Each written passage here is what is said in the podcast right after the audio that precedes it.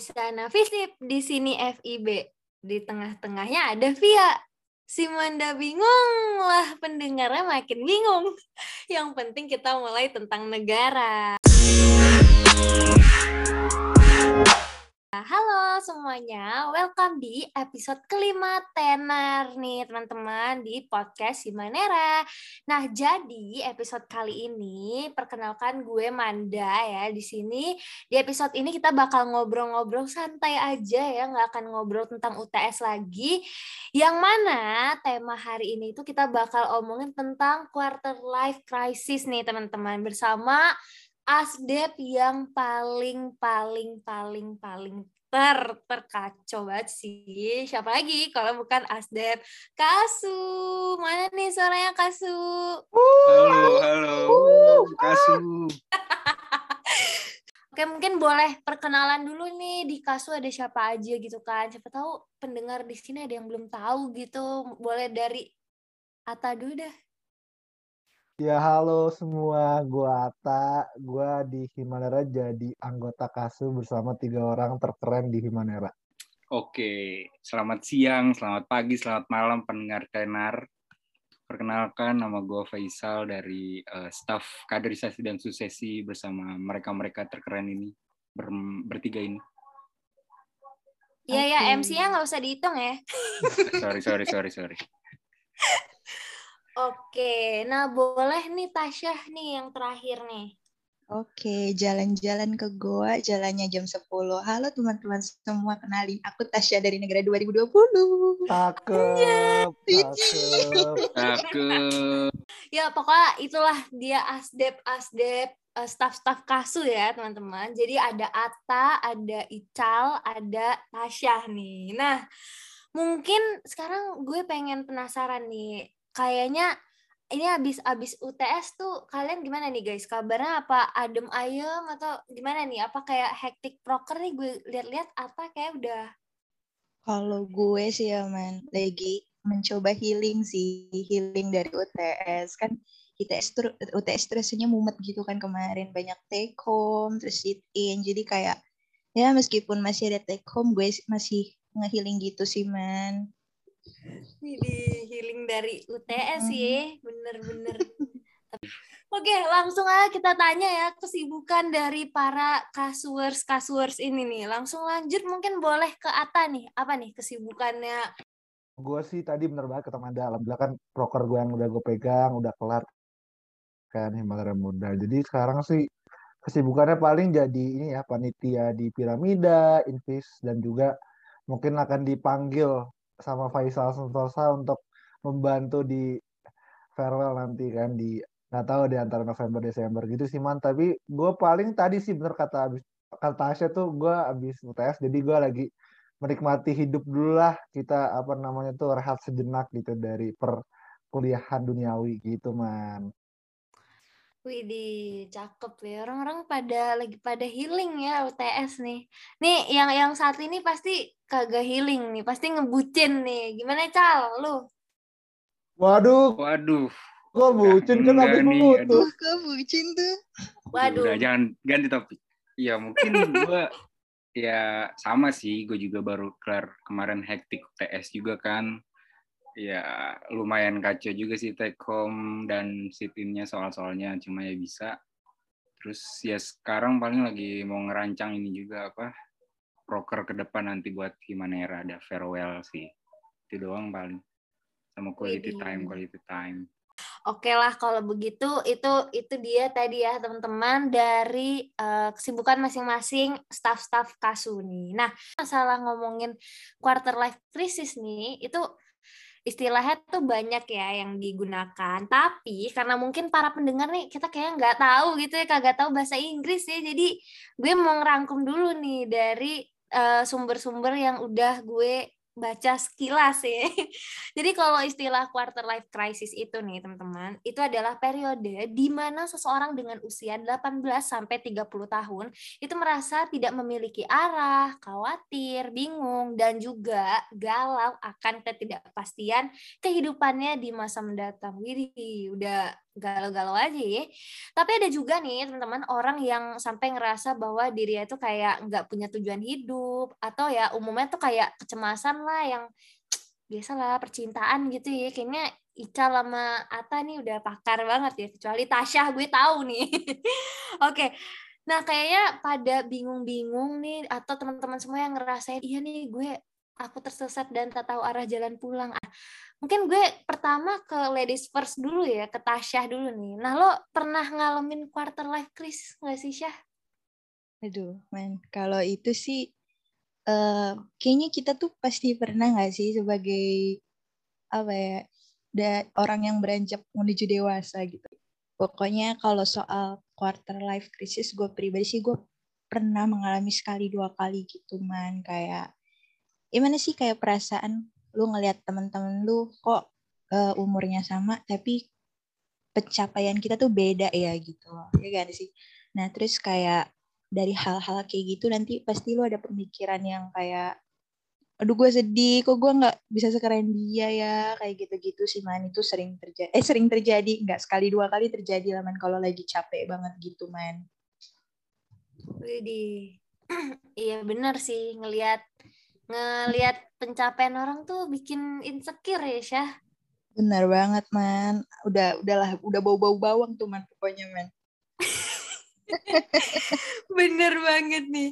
Nah kalau dari Tasya itu nih teman-teman ya. Jadi kayak ya mungkin kayak masih bisa dibilang kategori insecure lah ya. Nah, ini gue penasaran nih kalau dari saudari eh saudara Ical nih, gimana nih Cal lu quarter life crisis lu tuh gimana nih?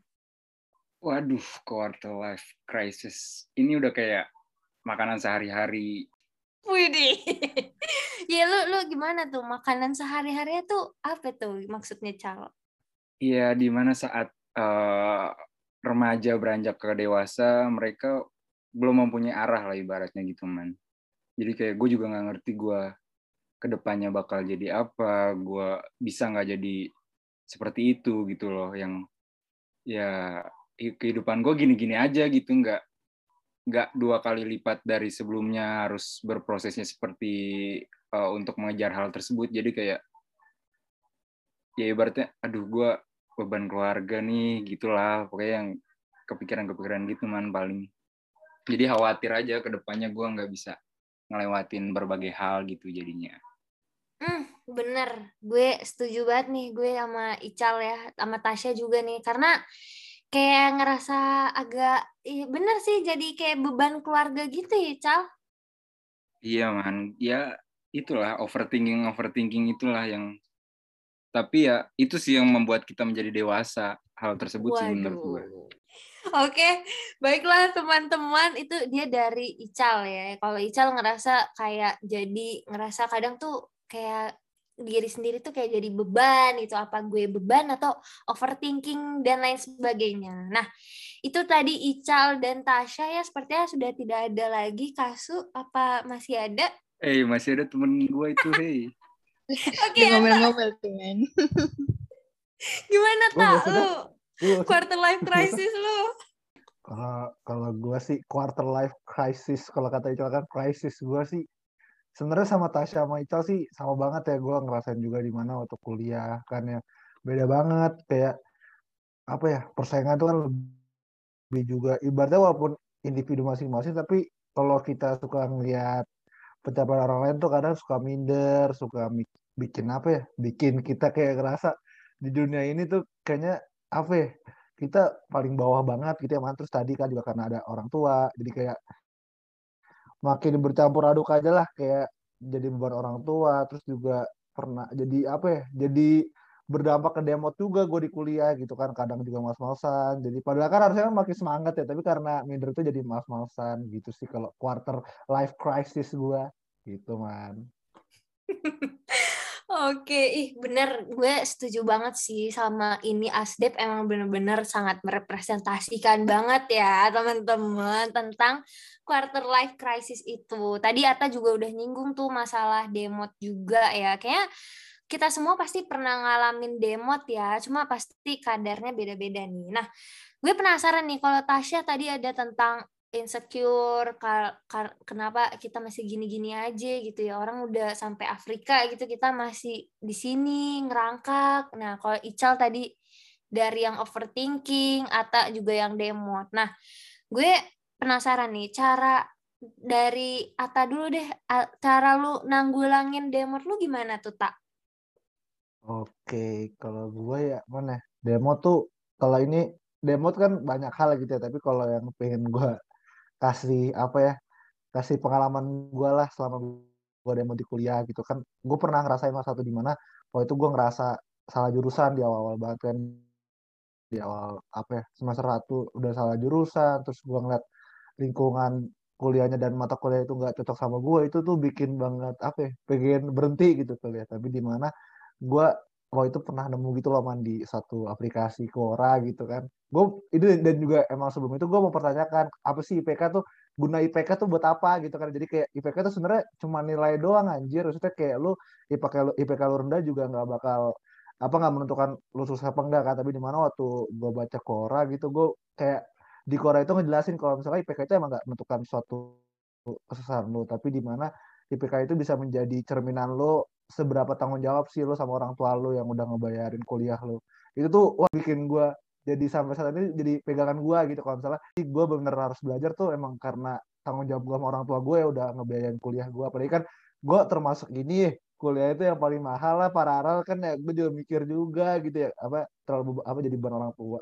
Kalau ngatasin emosi itu itu sih man soal yang gue pegang gitu. Kalau misalnya emang apa ya harus inget lah ada duit orang tua yang apa ya yang bikin gue kuliah gitu loh gitu sih man dari gue sama paling gue pengen nge-share juga kalau untuk membatasi apa untuk apa namanya tuh menghilangkan kecemburuan kita kepada apa namanya itu prestasi orang lain tuh gue tuh ini sih man suka ngebatasi diri gue untuk bertanya ke orang lain. Kayak misalnya kayak gini contohnya misalnya kita lagi ujian di mata kuliah A gitu ya mana terus gue sama Manda sekelas gitu tapi di mana nilai itu keluar gitu gue nggak ibaratnya gue nggak nanya ke orang-orang gitu kayak ya udah cukup gue doang yang tahu dari itu bikin apa ya? Bikin hati gue lebih tenang lah daripada orang jadi kepo gitu. So, kayak eh Tasya nilai lu berapa? Gitu. Kalau misalnya Tasya nilai tinggi nilai makin eh lebih tinggi dari gue juga makin minder jadi ya itulah urusin apa ya urusin rumah gue sendirilah daripada urusin rumah orang lain gitu sih man. Itu tapi bener banget ya apa yang uh, dibilangin Ata barusan itu cara ngatasin demo tuh bisa dari lihat quotes-quotes gitu guys dari Instagram mungkin atau dari TikTok dan platform lainnya ya karena kadang quotes tuh kayak bikin ngetampar juga gak sih tak? Bener banget man itu gara-gara quotes itu gue sampai saat ini ya alhamdulillah jadi pegangan gue. Keren keren keren. Nah itu dia ya teman-teman dari Ata. Selanjutnya gue penasaran nih sama si uh, Miss Universe ini yang satu ini ya, yang masalah insekuritas tadi. Cara cara lu nih Syah, sama nih pertanyaan gue. Cara lu nanggulangin uh, apa namanya tuh quarter life crisis lo sendiri gimana tuh caranya Syah?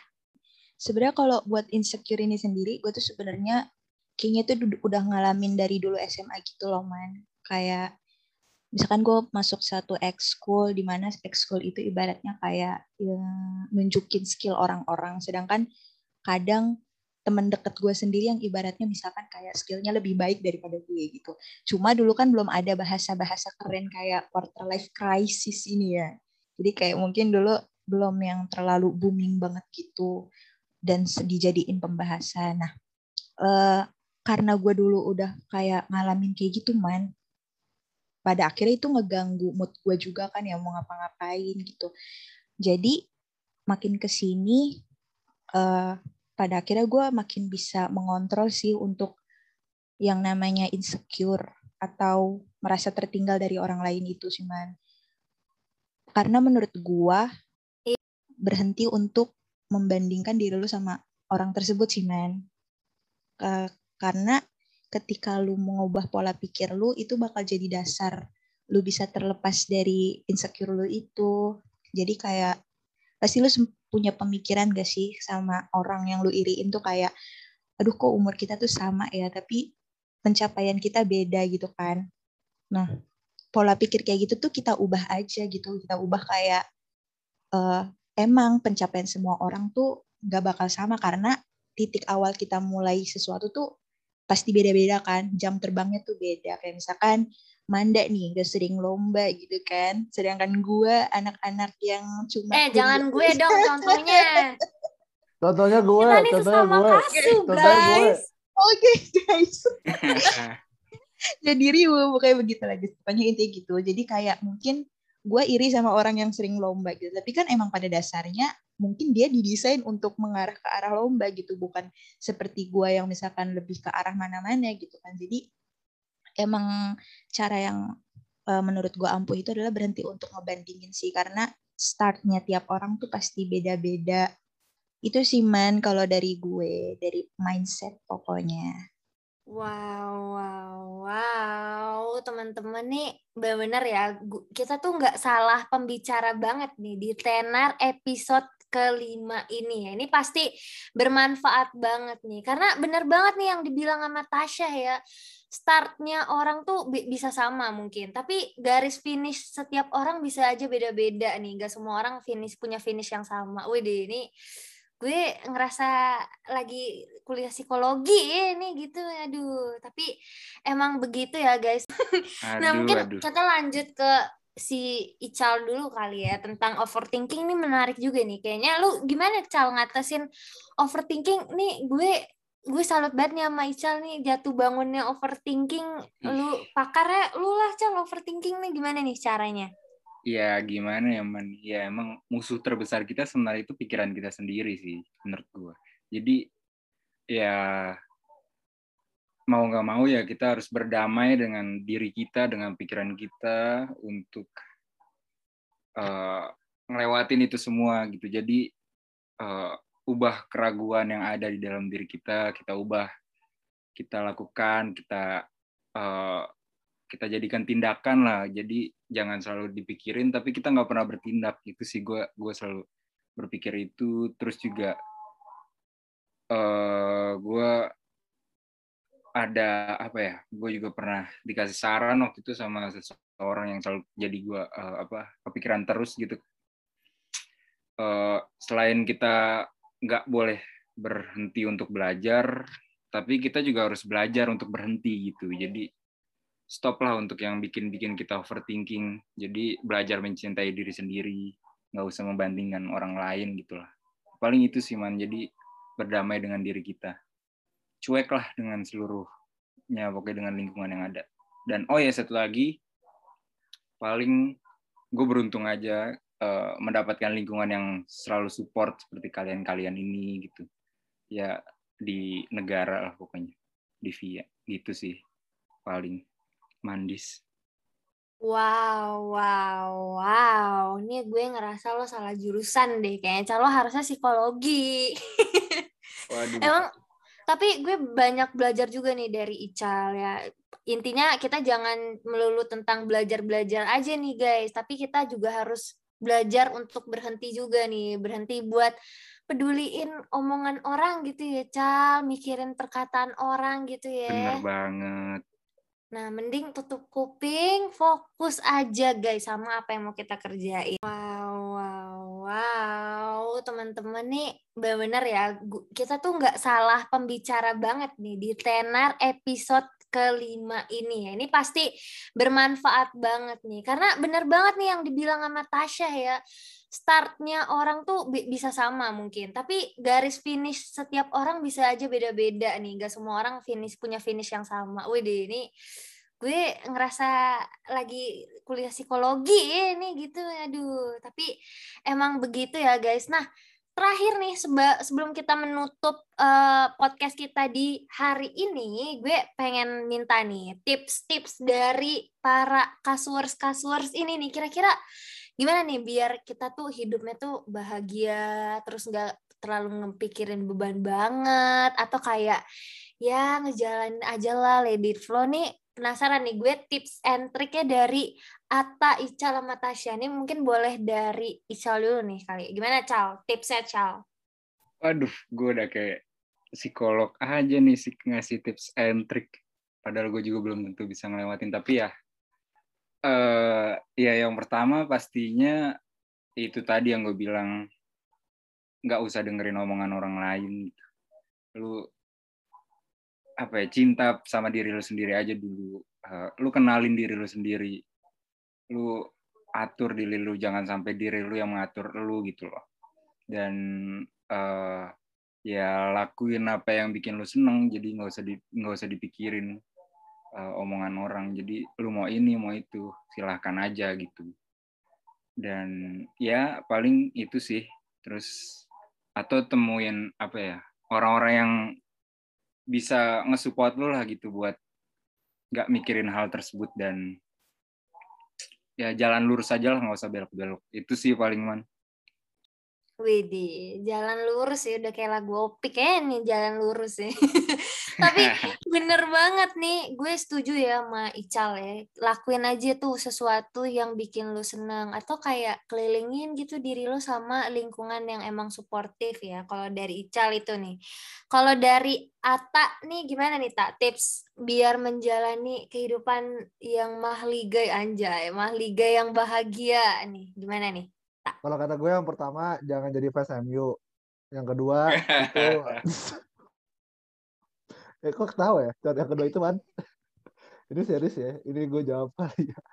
Yang kedua itu menurut gue tadi si man. Ibaratnya kalau kita analogikan ya dengan kita yang memiliki rumah kan punya apa tuh namanya tuh kebunnya masing-masing kan di mana dengan kebunnya masing-masing kan ya tergantung selera kita kan. Misalnya kita menata kebun itu gimana ya tergantung selera kita apakah itu bagus apa enggak. Kan berarti penilaian juga di diri kita kan dan di mana tetangga kita kanan kiri kita juga memiliki penilaian yang berbeda tetap kebun dia gitu. Jadi kayak apa ya kita harus fokus dulu ke kebun kita dulu jangan melihat kebun tangga gitu. Jadi menurut gua pribadi ya kan rezeki juga rezeki orang kan beda-beda juga ya mana dan di mana juga pasti kan kalian juga punya kesusahan masing-masing. Aku yakin banget gitu dari mana yang jadi MC Tasya yang penyanyi Ical yang yang apa ya Ical yang jago main bola kan jadi timnas gitu kan pasti kan punya kelebihan masing-masing di mana ya itulah kebangin apa kelebihan yang kalian punya dan ya udah gitu nggak usah ngeliat kekurangan kalian gitu kekurangan kalian jadiin bahan evaluasi aja untuk bisa jadi yang lebih baik. Ya, rumput tetangga emang selalu bagus guys, tapi fokus dulu sama rumput uh, rumah kita sendiri ya. Nah ini terakhir nih penutup yang manis cuma dari yang manis-manis. Kalau bukan dari Tasya nih gimana nih Syah tips and triknya? uh, tips bukan tips sih mungkin ini lebih ke alternatif aja ya buat teman-teman hal pertama yang paling mendasar tuh harus banyak-banyak bersyukur sih teman-teman banyak bersyukur dalam artian apa yang udah lo dapat dan apa yang udah uh, lo bisa kerjakan baik di hari ini ataupun yang udah berlalu itu kayak harus banget lu inget-inget tuh syukuri. Karena dari situ nanti lu pasti bakal bisa lebih ngerasa diri lu tuh berharga gitu loh guys. Kayak oh iya ternyata gue berguna untuk orang-orang sekitar gue karena gue bisa masih membantu. Itu pertama. Dan uh, ini aja maksud gue cara lain yang bisa dilakukan itu adalah jalani aja hari eh jalani aja hidup lu yang sekarang gitu nggak usah terlalu yang ekspektasi sama kehidupan di depan gitu. Karena ketika lu apa ya misalkan mengandaikan sesuatu terjadi di masa depan terus lu nggak bisa dapetin itu itu pasti nanti kayak lu bakal terlalu terpuruk gitu loh. Dan tuh kayak gitu deh. Dan terakhir gue setuju sama Ical sama Atta. Pokoknya enjoy your life aja. Kalau bah kata Ical mah enjoy your life. Ikuti apa yang lo suka. Nggak usah terlalu dengerin kata orang dan ya udah let it flow aja sama kehidupan enjoy Enjoy, kalau kata Atta Halilintar ya, bukan Atta Ayara Jenta nih. Nah, bener banget nih gue setuju banget ya sama ketiga narasumber kita di hari ini ya. Pokoknya tuh enjoy aja, jangan bandingin diri, terus pikirin aja yang mau dimakan hari ini apa, jangan pikirin buat besok dulu mau makan apanya ya karena nggak habis-habis tuh nggak kelar-kelar. Nah itu dia nih teman-teman pembicara kita untuk quarter life crisis di episode lima tenar ini nih ya dari ASDEP kasu atau kaderisasi sukses ya kita nyebut kasu-kasu tapi orang nggak tahu gitu apa ya gitu kepanjangan kasu gitu ya. Kasu itu kepanjangan kaderisasi dan suksesi ya teman-teman semuanya. Jadi itu dia ya seputar obrolan kita. Dan juga gue pengen ngucapin makasih ya makasih banget untuk ketiga narasumber kita. Ada Ical ada Ata ada Tasya dan juga sama pendengar kita yang masih setia banget dengerin dengerin dari awal sampai akhir. Pokoknya tetap terus pantengin episode-episode tenar selanjutnya and bye-bye!